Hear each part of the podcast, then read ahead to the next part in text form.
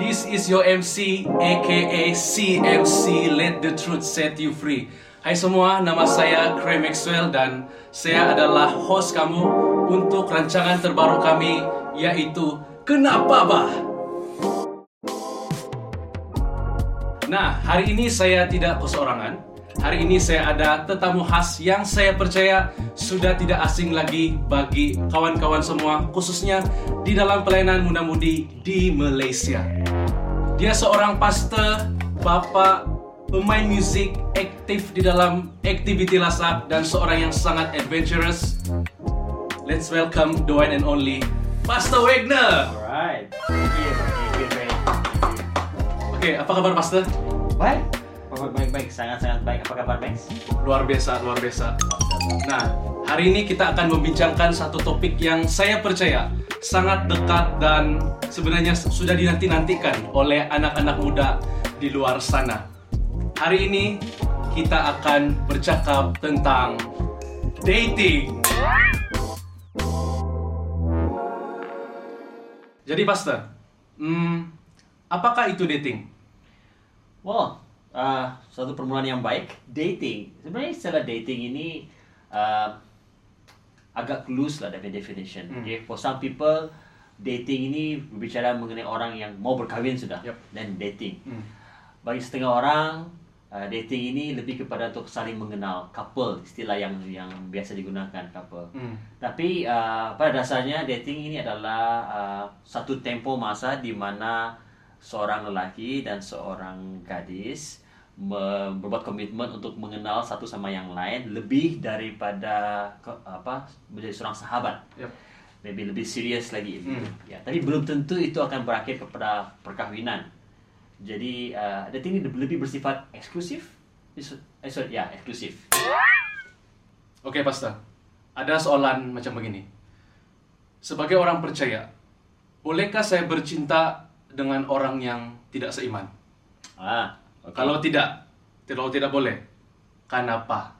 Ha. First and foremost, jawapannya adalah tidak boleh. Okay?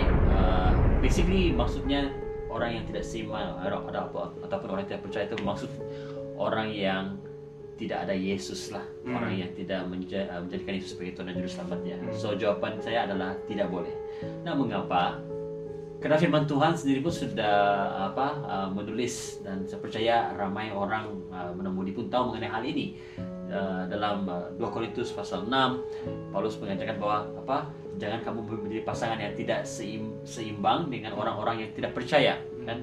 Jadi firman Tuhan mengatakan bahwa jangan menjadi pasangan yang seimbang dan apakah persamaan antara kebenaran dan kedurha- kedurhakaan terang dengan gelap. So memang tidak boleh. Hmm. Kalau tapi dia orang baik, Pastor. Macam mana? Ah, Tuhan ini sangat jelas. Kadang-kadang kita menganggap bahwa karena orang itu baik dan uh, itu diperbolehkan untuk kita ada hubungan dengan dia. Hmm. Tetapi firman Tuhan jelas mengatakan bahwa tidak boleh ada pasangan yang tidak seimbang. Maksudnya Hmm. tidak dengan orang yang beriman, bukan dengan orang yang uh, tidak percaya kepada Tuhan. Jadi meskipun dia baik, meskipun dia handsome, gak cantik macam mana pun begitu, tetap tidak Hmm. ya. Dan sekali lagi uh, saya katakan bahwa um, bukan kebaikan kita yang membuatkan kita masuk ke surga. Orang baik tidak akan masuk ke surga you know. Hanya kita dapat masuk surga karena uh, Yesus sendiri bukan karena kebaikan kita. So bagi saya kalau kita alasan untuk ada hubungan relationship dengan seorang yang terkenal Tuhan hanya karena dia baik itu tidak kita biar dan tidak cukup. Hmm. So, anak-anak muda tidak boleh. Tuh. Apa itu? Tidak, tidak boleh. Karena aku udah mendengar pun terus menangis. Tidak, tidak. Dia bilang. Oke, alright. Oke, untuk soalan seterusnya, Pastor. Hmm. Hmm, saya mau tanya, ataupun saya mewakili anak-anak muda mau tanya. Macam mana kita tahu, atau macam mana saya tahu kalau dia itu adalah jodoh dari Tuhan? Ah, oke, ini soalan yang selalu kena tanya, khususnya kalau topik mengenai BJA. Nah, um, pertama-tama kalau orang itu daripada Tuhan, kita tahu bahwa dia memang orang yang mengasihi Tuhan, orang yang mengenal Tuhan. Yang kedua, yang eh, kedua, eh, orang itu membuatkan kita makin dekat dengan Tuhan. Ya, Hmm. saya pernah counseling beberapa pasangan, ya. Uh, mereka memang sama-sama mengenal Tuhan, Hmm. orang Kristen, tetapi hubungan mereka itu membuatkan mereka jauh daripada Tuhan, tidak lagi uh, seperti dahulu melakukan dengan mereka. Hmm. So seperti itu dengan mereka, that is not from God.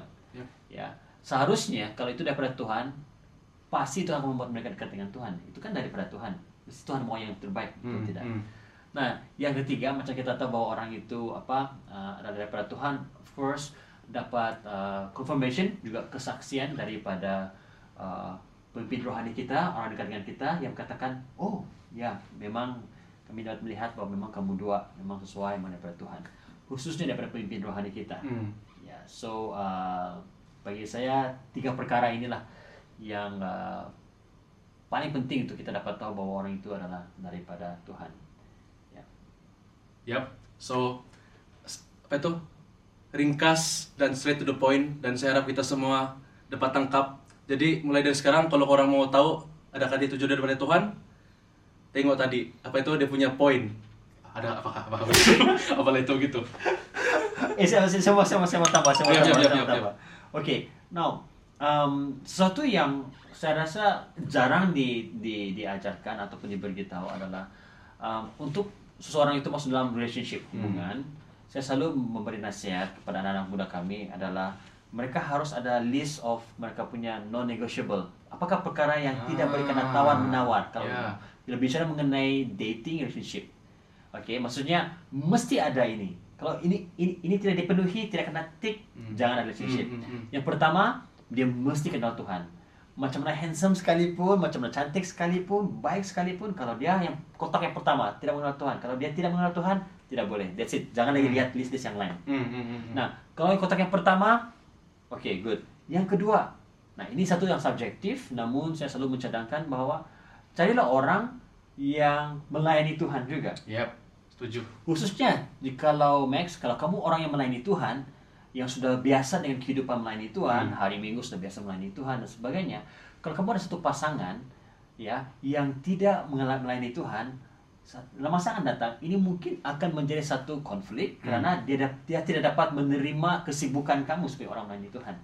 Jadi bagi saya kota yang kedua adalah orang yang you know melayani Tuhan bersama-sama. Setidak-tidaknya orang itu tahu visi kamu, tahu hati kamu dan mau menyokong kamu dalam visi Hmm, kamu. hmm, hmm. Dan yang ketiga, of course, uh, orang yang uh, mengasihi Tuhan lebih daripada dia mengasihi kamu. Maksudnya, Hmm.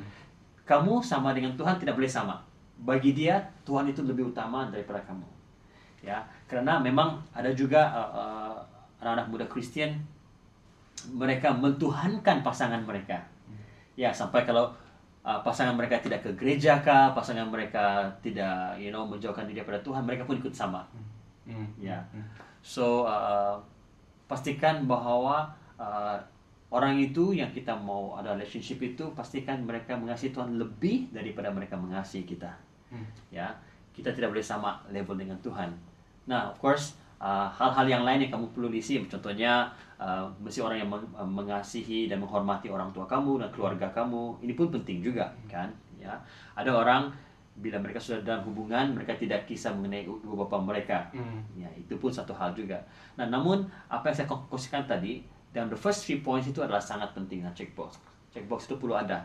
Kalau kita tidak ada yang non-negotiable, yang tidak boleh tawar menawar. Kalau, kalau kita tidak list tuh, sesiapapun kita terima juga. Hmm, hmm. Ya.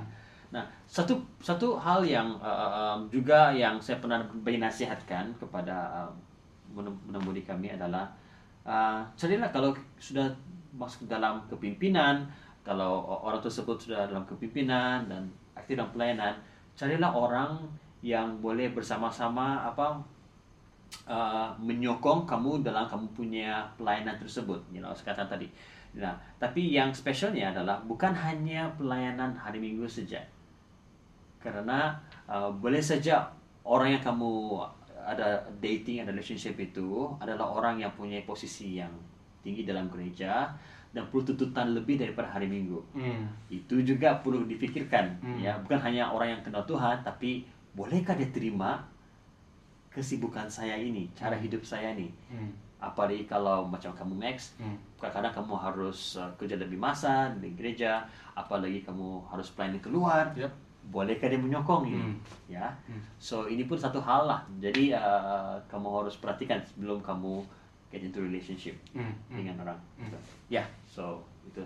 On point, on point. Saya yang menarik perhatian saya adalah dan itu yang saya lakukan sendiri, yaitu uh, menyamakan visi Hmm. uh, di dalam uh, relationship karena itu akan sangat membantu di dalam kita punya apa itu relationship kita, Betul. Uh, ca- apa cara kita membangun relationship kita. Ya.